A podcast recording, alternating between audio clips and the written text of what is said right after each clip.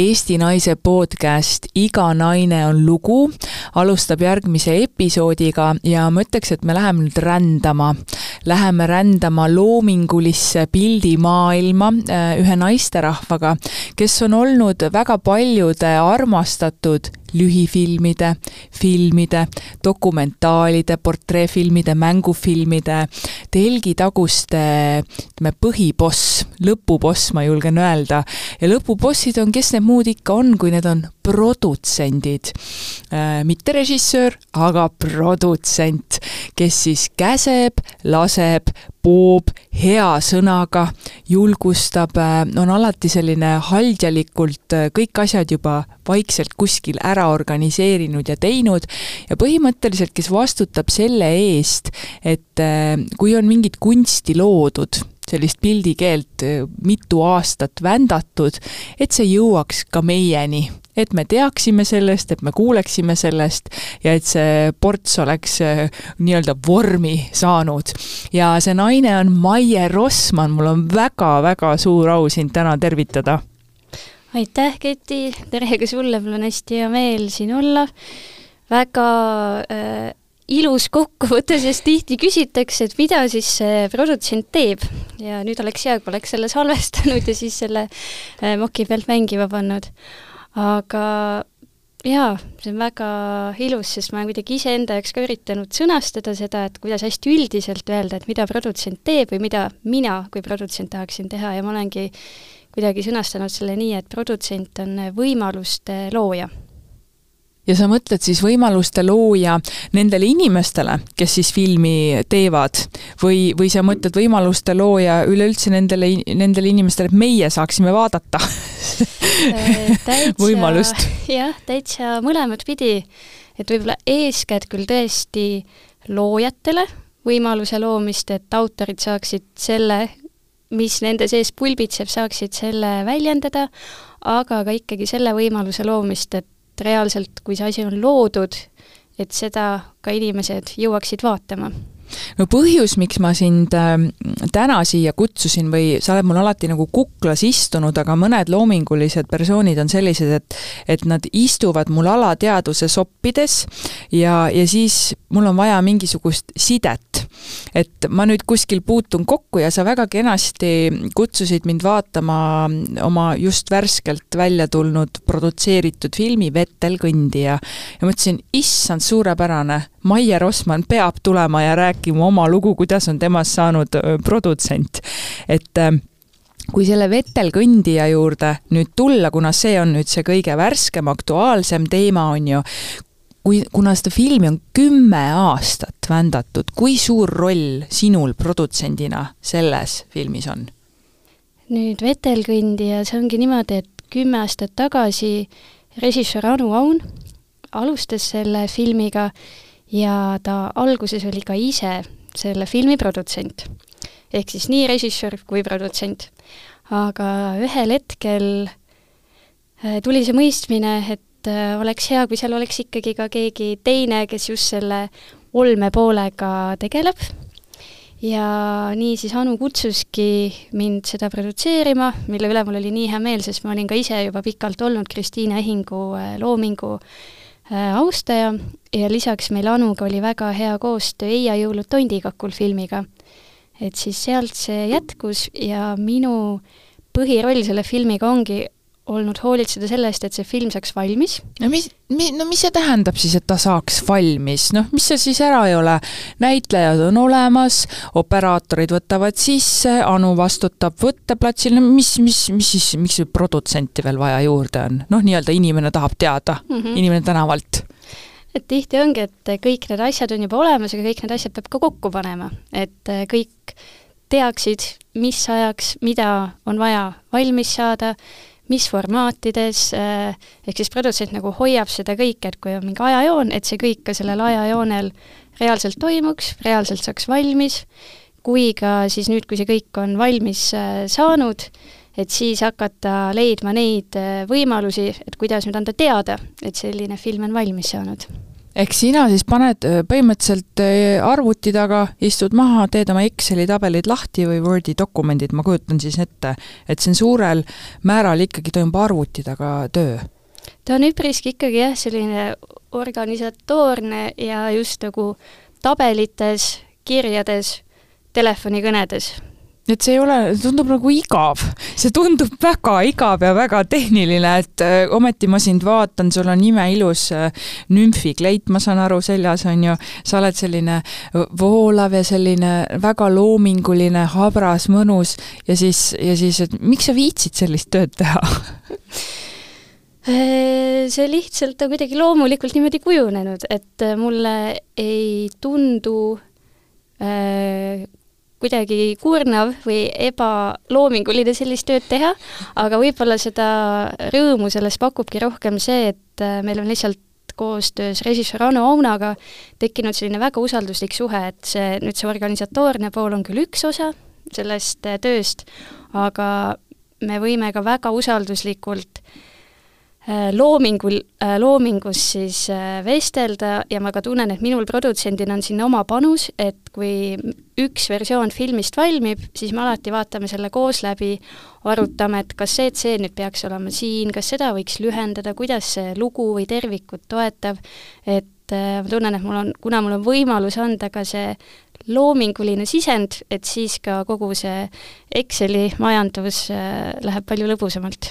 kas sa, Maie, tunned vahel ka, et, et äh, naiseks olemine selles valdkonnas on äh, sinu pluss? ma täiega tunnen seda, et see on pluss, et kuigi hästi tugevalt on õhus see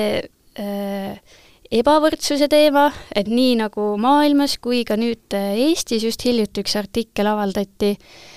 kus oli ka toodud statistika, et kui palju on saanud mehed teha, kui palju naised ja mina tundsingi seda lugedes, et ma ikka olen mingis täielikus mullis elanud, sest äh,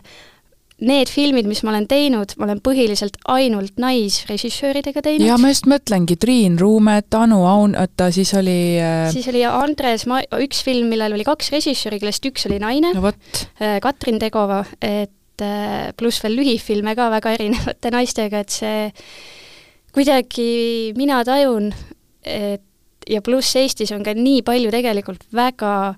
äh, andekaid ja tohutult just peamised produtsendid ongi naised, et meil on ju Riina Sildos, kes on juba väga pikka aega teinud väga võimsaid projekte, Marianne Ostrat, kes just äh, on siis selle filmi taga Savusanna sõsarad, mis ka nüüd kohe esilinastub ja mis siis esimese filmina võitis väga mainekal Sundance'i festivalil auhinna äh, siis äh, et meil on tõesti, et meil on nagu just tohutult naisi ja mina nagu näen, et naised Eesti filmis on väga jõuliselt esindatud. no see on ka üks põhjuseid tegelikult, miks ma, miks ma väga soovisin, et just sina tuleksid äh, siia kõnelema, meil on küll, ongi iga naise lugu, et, et see on ka hea, et meil on siin sooline diskrimineerimine naiste poole tugevalt kaldu, aga meile see väga sobib, et et me ei olegi seda filmimaailma telgitagustest läbi naise silmade kunagi vaadanud. aga mis need kohad on, on siis, miks neid naisi siia vähem on äh, nagu võetud või siis meid on olemas, aga miks neil häält ei ole? see võib olla lihtsalt äh, natukene tulnud ka mm, sellest ajast, kus me tuleme, et näiteks üks film, mis veel see kevad äh, välja tuleb ja mis on nagu lühieksperimentaalfilm, mille nimi on Varblane, mitte kanaarilind, kus siis kaks režissööri, kellega ma koostööd tegin, vaatasid läbi kõik, kes on küll mehed, vaatasid läbi kõik tuhande üheksasaja kuuekümnendate Eesti filmid ja panid neist kokku uue loo, et tuleb selline kollaažfilm. alguses oli mõte teha, et see tuleb film Puhkajad, kuna idee sai alguse ühe režissööri äh, Äh, uurimistöös, kus ta uuriski lõõgastumismotiive tuhande üheksasaja kuuekümnendate Eesti filmides. ohoh, kas see tuleb siis seal filmis välja? ja oligi soov, et tuleks, aga siis filmi tegemise käigus sai selgeks, et äh, kuuekümnendatel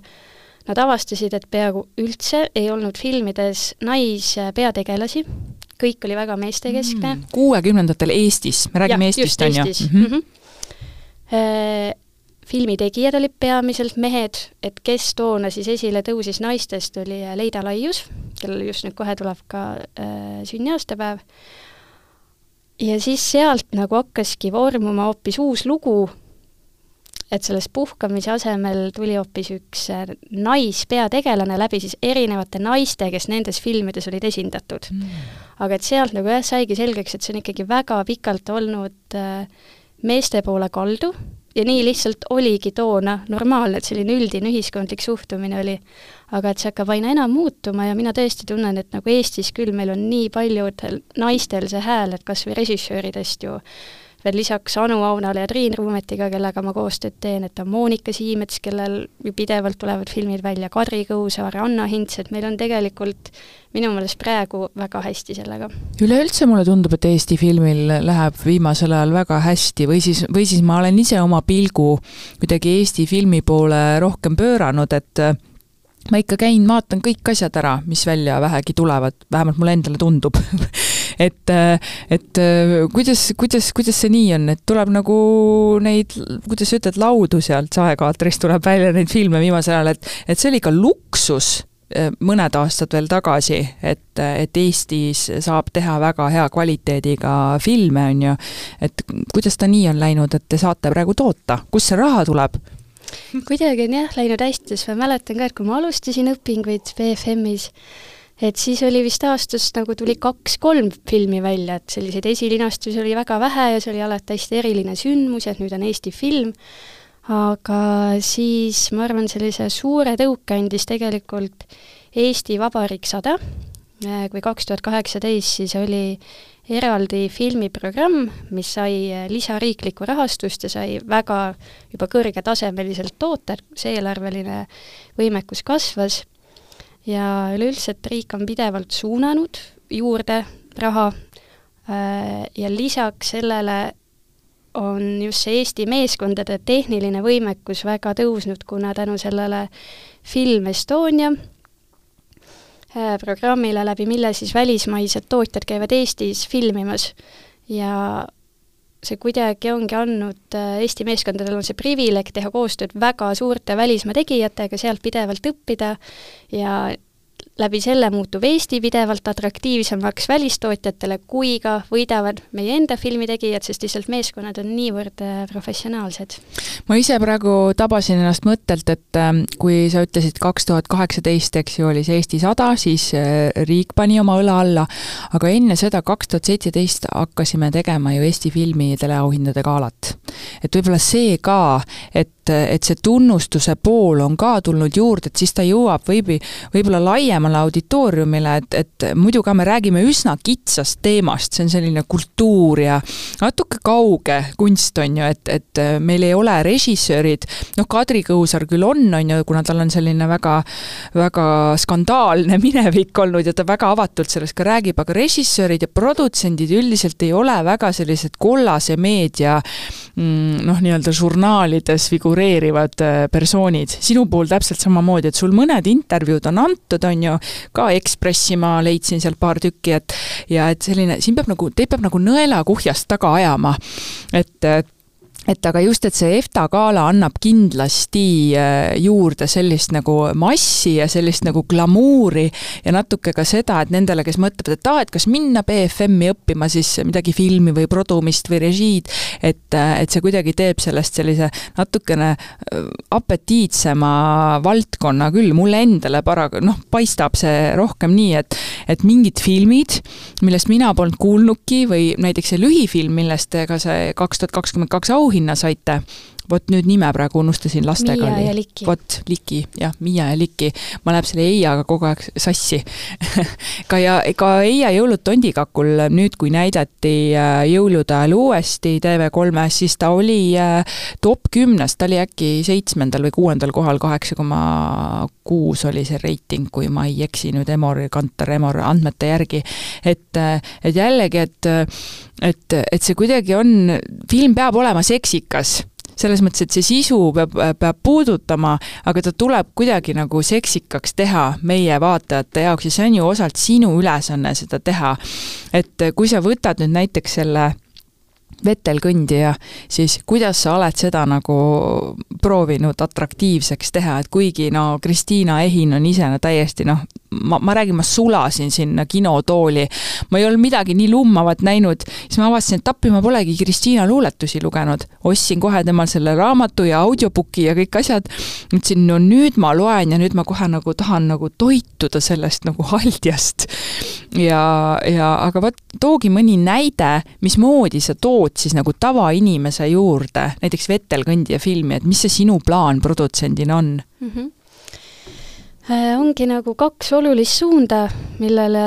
on tähelepanu pööranud, et üks siis on äh, sotsiaalmeedia ja teine on üleüldine siis äh, press. aga mis sa mõtled aga... sotsiaalmeedias, et mm, ma mõtlen, kes teil see sihtgrupp on, et mul ei ole visanud väga mingeid sponsoreeritud postitusi või asju, ma just vaatasin selle pilguga, et kuna sina oled minu sõbralistis, kuna meil on kaks tuhat kuusteist aastal ma siis mängisin sinu filmis väikest rolli Päevad, mis ajasid segadusse, et sellest ajast me teame, aga muidu ma arvan, et minuni ei jõuaks see info.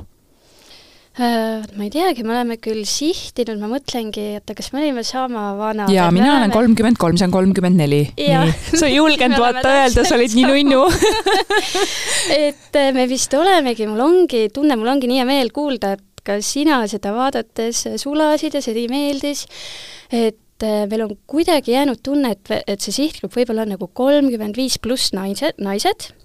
ja teine, äh, aga kellele me otse sellist küll sihitud reklaami ei tee, aga on äh, üheksas kuni kaheteistkümnes klass, et kellel ka, kuna Kristiina Ehin on koolide õppeprogrammides, et kellel on nagu hea võimalus heita ka selline pilk ühe väga viljaka autori elusse, et kuidas see elu mõjutab loomingut aga muidu me oleme hea, et võib-olla selle sihtgrupi jah, natuke sihtinud kõrgemaks, aga meil on äh, vanuse mõttes, aga et meil on täpselt tulnud viimasel ajal nii palju tagasisidet, et nüüd me oleme jälle seda natukene korrigeerinud. aga kuidas sa teed äh, Kristiina Ehini, kes on äh, luuletaja mm,, ta on nagu naine teisest äh, universumist, ma julgeks öelda, kuidas sa tood teda üheksa kuni kaksteist klassi õpilasele, kuidas sa teed ta atraktiivseks? mismoodi sa seda teed? sotsmeedias, mind väga huvitab see. no siin muidugi on natukene abiks ka õpetajad, et äh, ikkagi kutsudagi koos klassiga õpilased äh, kinno seda vaatama ja meil tegelikult just see nädal oli esimene selline linastus, kus ühe kooli õpilased tulidki seda vaatama äh,, siis selles vahemikus üheksa kuni kaksteist klass, terve suur äh, saal oli täis. Ja see oli erakordne pärast nendega vestelda, et nad küsisid küsimusi, mida näiteks meie teistel publikuga kohtumistel ei ole küsitud, et nad vaatasid väga tähelepanelikult filmi, üks noormees näiteks küsis, et miks ta just need kaks üksikema pisarat valas. ja siis vaatad, et aa, vau, et tegelikult nad nagu märkavad, neile tõesti pakkus see huvi, me oleme loonud ka nüüd sellise töölehe, mida kirjandusõpetajad saavad äh, filmijärgselt tunnis kasutada, kus on valik ülesandeid nii kirjalikult, suuliselt, et kuidas kellelegi parem on. mina soovin ka seda töölehte täitsa nagu, ma tahaks kohe nagu teha seda töölehte läbi, väga huvitav. saadan, kindlasti et see aitab just sinna nagu maailma veel rohkem sisse elada ja seda enda jaoks veel paremini lahti mõtestada. no mi-, mismoodi te siis sellise idee peale tulite, et ma ütlen, et ma teen töölehe ja et see on põhimõtteliselt Vetelkõndi ja Kristiina Ehinist on saanud siis praegu osa öö, kooliprogrammist, mingist tunnist, see on siis kirjanduse tunni osa? jaa, see mõte tuligi tänu sellele, et kui ma hakkasin üldse seda levi- ja turunduse plaani tegema, ma vaatasin ka ühte andmebaasi, Opik, mida õpetajad kasutavad, vist ongi opik.ee, ja panin otsingusse Kristiina Ehin ja ma sain sealt minu meelest üle kahesaja vaste. ja siis ma mõtlesin, et aa, vau, et ta on juba väga tugevalt esindatud äh, õppekavades, et äh, tegelikult see on nüüd võimalus siia, seda siia veel rohkem panustada väga kihvt, et te seda teete, see on, see on tõesti, see on praegu, pirn läks põlema, nii et need, need naised, kes on nagu mina ja Maie, niisugused kolmkümmend pluss ja kellel on lapsed siis ka selles vanuses, on ju, üheksa kuni kaksteist klass, et et äh, tasub, tasub meelde jätta või lausa anda selline soovitus või mõni õpetaja praegu kuulab ja kui teie kooli pole jõudnud näiteks väiksemates linnades, ma ei teagi, Valga ja noh, ma alati mõtlen oma kodukoha harimise peale ka, et Valga ja Võru ja kõik need pisemad, Kambja ja kõik noh, kuskil Suure-Jaani, et, et võite täitsa võtta sisse, et õpetajatel ka natukene lihtsam, et täita oma tunde hea haridusliku materjaliga, aga mind huvitab see, et üheksa kuni kaksteist klass noored, noh üldse nemad on hästi palju nutitelefonis ja siin on infovahetus hästi kiire. kui me teeme neid lühivideosid, neid reels'e, siis öeldakse ka, et seitse sekundit on see kõige noh, pikem, mis võib olla, mina ise ei suuda seitsme sekundi jooksul midagi haarata, aga noh, need nooremad suudavad. aga vetelkõndija film ise on tempo poolest selline mõtlik, aeglane, voogav, kuidagi, kuidas nad suudavad seda jälgida? nüüd see üks saalitäis suutis mm, -hmm. et äh, võib-olla selle filmiga on ka nagu Anul õnnestunud nii Anul kui muidugi äh, Kristiinal, kes kogu aeg ekraanil on, et ta lihtsalt mõjubki selliselt niivõrd lummavalt ja kuhugi fluidumisse viivalt, et see võib tegelikult niimoodi, et kuna ikkagi inimestena, ma arvan, me oleme kõik lõppkokkuvõttes ikkagi väga universaalsed, et seal on nagu mingi selline nagu võti, mis avab selle lihtsalt selle, et sa vaatad ja sa elad sinna maailmasse sisse, et ma olen kuulnud ka tagasisidet, et äh, nii kui see film hakkas peale, nad said aru, et järsku nad sisenesid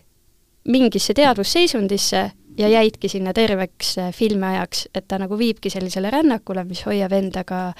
kaasas. Ma, ma nõustun sinuga, ma võib-olla isegi otsisin endale seda vastet, et kuidas ma kirjeldaksin seda filmi elamust ja seda sisu, aga ma ausalt öeldes, ma olin nii hetkes ja nii kohal ja nii kõik sellest Kristiina Ehini häälest kantud. ja, ja see pildikeel, see kõik oli nii jutustav ja muinas, kuidagi hästi ma, ma tundsin, tead, tead, miks ta mulle väga meeldis? sellepärast, et mul on kogu aeg on nii kiire, kiire, kiire, kiire, kiire, täna ka torman siia kooli nii. ja see võttis tempo maha. ja ma tundsin, et oh, nagu oleks kas joogas käinud või teinud oma pika kahetunnise jalutuskäigu kuskil metsaradadel, et see mõjub täpselt kuidagi niimoodi. et äh, Maie, aga kui me räägime nüüd sinust jälle, ma tahan ikkagi sinu juurde tagasi jõuda, siis äh, sul on olnud ka väga selline kirev elu, ehk äh, sinu kogemuste pagas peab olema sinu sees selline, et sa suudad äh, produtseerida, ongi sellist muinasjutulist vetelkõndjat, millest me praegu räägime, laste lühifilmidest mm, kuni selliste üheksakümnendate hullusteni välja või siis väga maskuliinsete meestega koos töötamisele välja, et ähm, missugused omadused sa ise oled tundnud, äh, on sul pidanud olemas olema, et sa suudaksid olla produtsent tunnen, et üks kõige olulisemaid asju nii elus kui ka produtsendiks olemises on selline usaldus, et igas hetkes usaldada. ja kui korraks tulla veel selle vetelkõndija juurde, et mida üldse see vetel kõndimine tähendab, äh, et siis see ongi keegi, kes usub imede võimalikkusesse, isegi teadmata, kuidas kõik on võimalik, aga et ta lihtsalt usub, et kõik on võimalik ja ta julgeb olla igal hetkel uus. ja ma usun, et just see võime ja see julgus ongi aidanud olla produtsent, et võttagi, tunnetada ära, et kui keegi teeb midagi tõesti südamest, hingest, et siin on autor, kellest see peab välja tulema, nagu näiteks Päevad, mis ajasid segadusse, oligi see noh, see lihtsalt nii elas Triinu sees, just see ajastu, just see lugu, ja lihtsalt ma ise olen ka olnud, äh, ma küll sündisin kaheksakümmend üheksa, aga need, need eluaastad, mis nii-öelda kõige rohkem peakski last mõjutama, et äh, ka minul oli tohutult suur see side just selle üheksakümnendate algusega, et väga nagu nostalgilisel ja positiivsel noodil meeles. siis üks asi,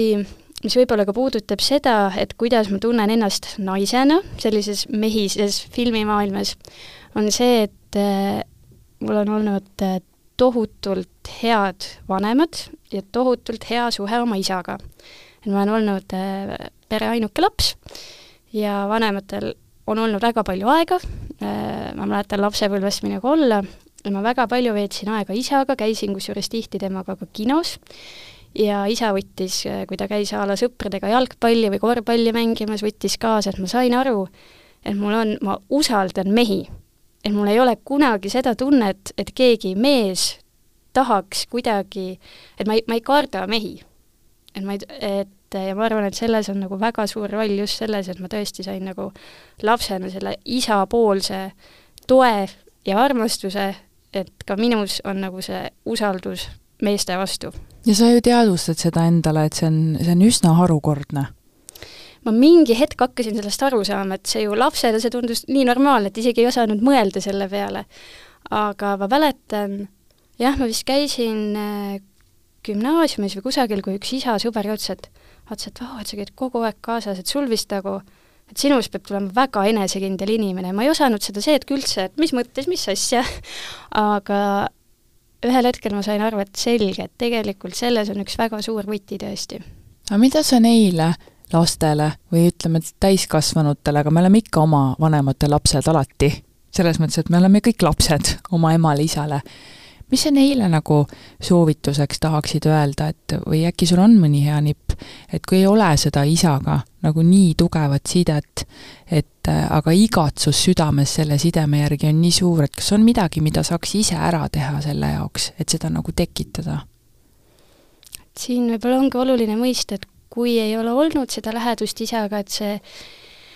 eeldatavasti ei pruugi olla sellepärast, et näiteks, et isa ei ole tahtnud seda lähedust või isegi kui on selline tunne,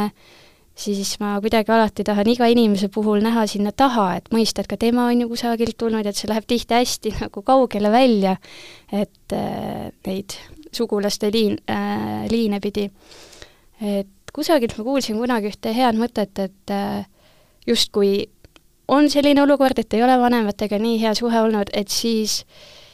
hinnata seda, et tänu neile sa oled siin elus. et kui ei oleks neid, sind lihtsalt ei olekski ja olla selle eest tänulik ja siis ehk hakkab ka see rahu tulema, aga võttagi vastu, et selge on olnud nii, aga lihtsalt aitäh, et te olete andnud mulle elu ja ma, ma sooviks loota, et see äkki aitab seda tunnet, tunnet südames nagu äh, paremaks muuta. no mis su isa nimi on? Tõnis. Tõnis, me saame Tõnisele öelda ka aitäh selle eest, et ta on äh, sinus, Maie, selle usalduse ja armastuse meeste vastu kasvatanud, sest ma arvan, et see on väga suur võti sellesse, et et sa oled täna Eestis äh, tipp-produtsent ja julged võtta nii suuri väljakutseid ja tööalast vastutust, nagu sa seda teed, on ju. ja täiesti nagu pealtnäha väga rahulikult sa seda justkui teed, et, et oled sa kunagi närvis ka või see isa poolt antud eh, enesekindlus igas olukorras hakkama saada ja usaldus enda vastu ja oma kollektiivi vastu on nii suur? Või sa siiski sisemiselt elad kõike hästi läbi, aga ei näita mitte midagi välja? eks ma ikka elan ikka elan ka. Ja ma olen seda teinud ka mingitel aegadel rohkem, eriti nooremana. Äh,, ikka oli seal siis päris palju pabistamist, kuigi äh, ma hakkasin just meenutama, et kui ma tegin oma esimest tudengifilmi koolis, et see oli üks äh, ma julgeks öelda, et too hetk, et see oli nagu üks paremini produtseeritud filme, sest ma tegin mingi puhta jällegi selle usalduse, usu ja tunde pealt, et ma mäletan, ma sain, leidsin sponsorid, kes andis saia, kes andis juustu, kes limonaadi, nii et ma ei, ma ei kartnud too hetk minna küsima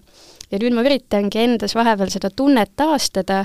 et unustada ära see, et kuidas peaks tegema või see hirm, et äkki keegi ütleb ei, et, teha nagu sellesama esimese korra tunde pealt, et kus sa päris täpselt ei tea, kuidas peaks midagi tegema, aga sa lihtsalt teed. appi, kui hea soovitus see on. Es-, ja see on ka see, et esimene tunne on alati õige ja kui kahtled, siis otsi see endas see kindlus, on ju, ülesse. kas see on nagu selline kõhutunne, on ju? see on see kõhutunne, et see peab, see on, ma arvan, see on nagu primaarne elus, et seda nagu järgida, seda usaldada ja jah, ja julgeda ka sellele järgneda. ja Maie, sa, sa lisaks sellele, et sa filme teed, sa rääkisid siin, kellelt küsisid saia ja kellelt küsisid ma ei tea, mida, on ju, siis äh, köök ja ütleme, saiapätsikeste vorpimine eh, nii-öelda nagu niisugusest eh, võtmes võibki öelda, eh, on ka sinu üks selline kirg, et lisaks sellele, mis sa seal vurisevate telekaamerate taga teed, meeldib sulle ka köögis podistada, räägime sinu toiduarmastusest, sinu maailmaarmastusest selleks on ju toit ja muuseas, kas see on ka taimetoit või veganlus või kuidas ma nüüd õigesti terminoloogia panen? pigem on see taimetoit, äh, ma ei ole küll vegan, aga minuga on selline huvitav lugu, et ma olen lapsest saadik olnud taimetoitlane. ehk siis oi-oi-oi, oot-oot-oot-oot-oot, oot, teeme nüüd selle ka selgeks kuulajale. kas taimetoit on see, kes ei söö ka ei juustu, ei muna? Äh, piimatooteid söön. nii äh, justkui taimetoitlased tegelikult söövad ka muna, aga muna on ainuke asi, mis ma tunnen, ma nagu puhtalt mulle lihtsalt, ma ei suuda seda süüa ja kui ma tegin toidutalumatuse testi, see oli ka üks väheseid asju, mis tuli välja, siis ma saingi aru, et keha jälle teab, on ju, et maitse on nagu eemale tõukav ja siis äh,, aga tegelikult selguski, et see nagu ei sobigi kehale. okei okay,, oota. Äh, ja kala ja kõik sellised asjad on ju ka välistatud mm, -hmm. eks ju? sina sööd siis ainult taimi põhimõtteliselt ja ma eelistangi just taime, et tänapäeval on see taimetoitlus liikunud sinna, et on hästi palju lihalaadseid tooteid ja selliseid äh, laboris toodetud asju, et need mulle nagu üldse lihtsalt peale ei lähe, et mulle tõesti meeldikski, et kui on taimetoit, siis on taimetoit, et selles taimes endas on see puhas jõud, vägi, tervis, aga äh, ma ka täpsuse huvides äh, täpsustan, et ma ei ole liha söömise vastu et ma isegi olen nagu jõudnud, eriti viimase poole aastaga kuidagi sinnamaani, et Eestis on see tohutult suur luksus, et on võimalik äh, osta maheliha. ja meil on väga hea see liha kvaliteet, olgem ausad. ja et see on, et selles on oma tugev tervis sees, ma lihtsalt tunnen, et ma ise lihtsalt ei suuda ja ei taha seda süüa, aga ma kuidagi tunnen, et ma olen ise hakanud inimestele soovitama, et äkki, et aga äkki võiks nagu süüa seda natuke, et kui see vastu ei hakka ja sa tead, et see on puhas ja hea ja annab sulle rammu ja jõudu tegutseda, et siis äh, miks mitte, peaasi, et sa naudid, et see, mis sa sööd, peab nautima. aga Maie, see on pigem harukordne, et äh, siis, kui sina lapsena kasvasid üheksakümnendate alguses, et, äh, et perekonnas ol-, oldi taimetoitlased, see on väga, teised ei olnud, teised ei olnud ja see sina, oi kui veider. Et vanemad sõid liha, vanavanem, kõik sõid liha ja mul on meeles see hetk, ma, ma ei, ma pidin siis olema kolmeaastane või kui vana, aga mul on meeles, kuidas ma sõin liha ja ma ei suutnud, et kuidas ma nagu, kuidas hakkas mul suus ringi käima ja mu vanemad jällegi, head inimesed, ei sundinud mind sööma. Neil oli mingi lootus, et äkki ma tulevikus hakkan. ja lapsena ma natuke mingeid kotlette ja selliseid, no mitte nii liha, lihatooteid sõin, aga mäletan kusagil teismelisena oli tunne, et ei, ma ei taha neid ka. uskumatu! See... aga mida sa siis sööd, sest mina jälle tunnen, et ma söön lihatooteid liiga liiga palju ja ma tahaks vähendada. ja ma tean ka, mis on need taimsed äh, nii-öelda valgud, aga ma ei ole suutnud, äh, ma ei ole suutnud nagu leida sellist parimat nagu lahendust, et äkki sa kohe nagu jagad sellised mõned hea, ühe hea retseptikese siia, väga põnev no ma ise väga armastan ja mida ma tean, et ka teistele väga maitseb, on äh, peedikotletid,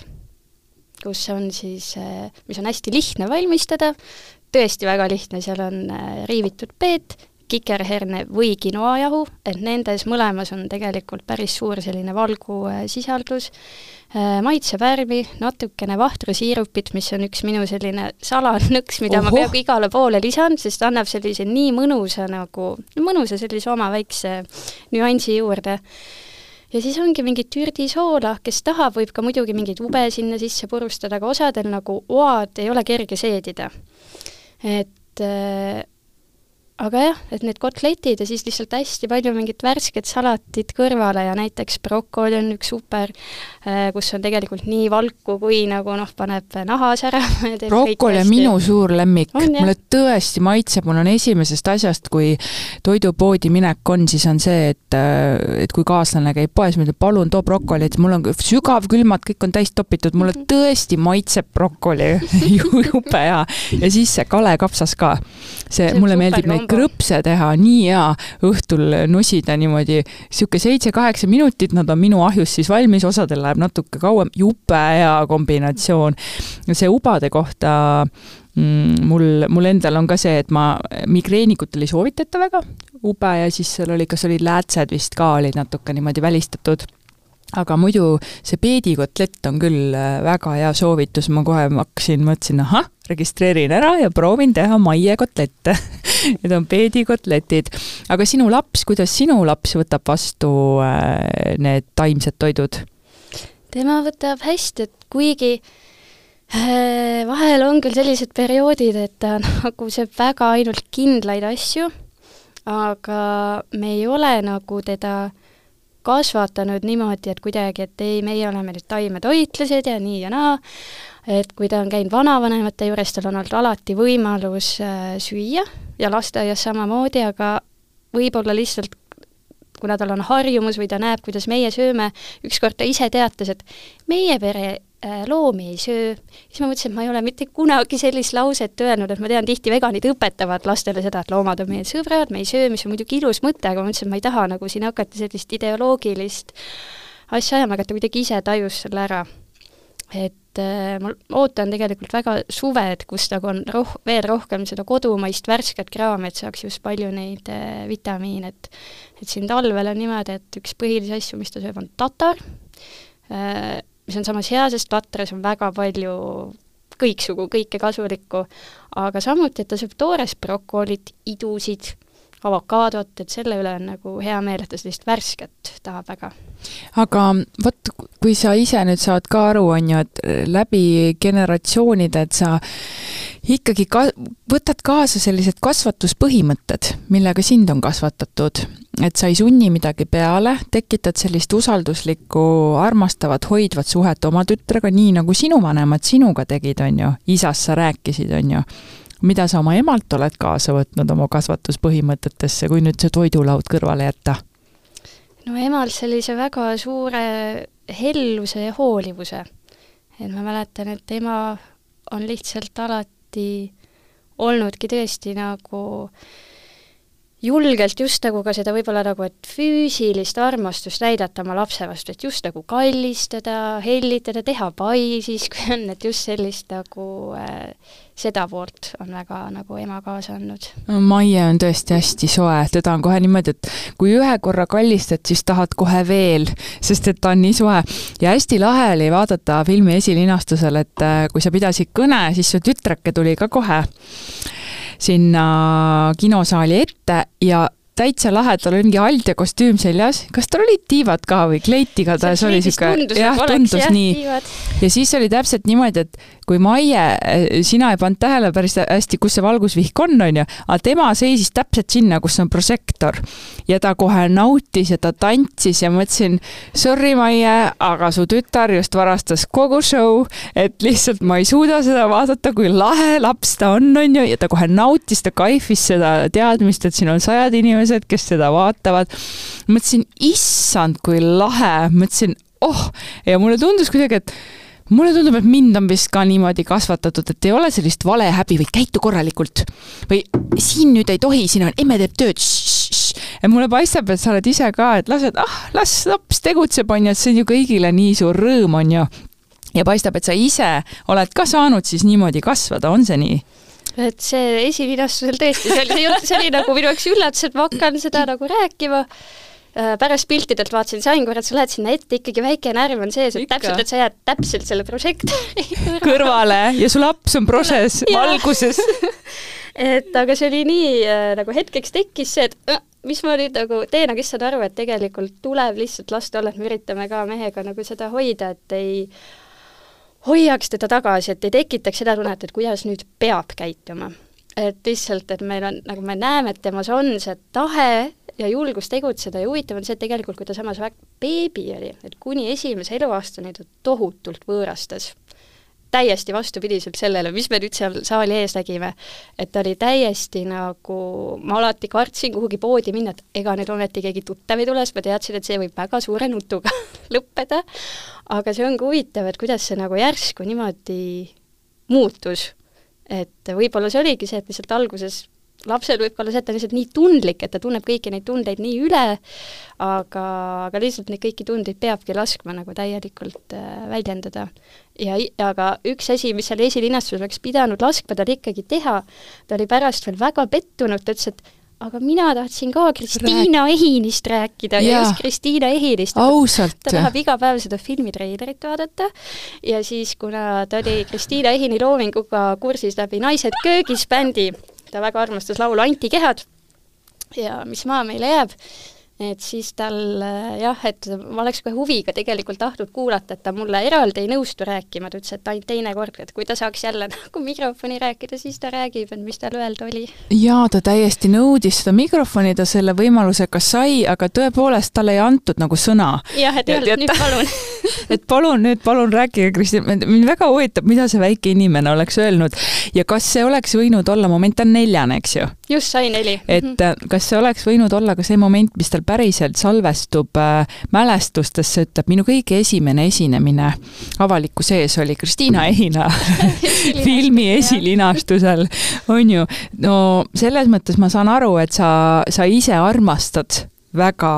äh, oma last, sa armastad oma elukaaslast ja sa armastad ja austad iseennast. et, äh, et äh, seda on viimasel ajal hea näha et selliseid inimesi on ka, et, et meil on palju ümberringi, kes räägivad, mis ei ole hästi. me peame sellest ka rääkima, mis meil ei ole hästi. aga mulle tundub, et sina oled pigem see, kes esindab seda kõike,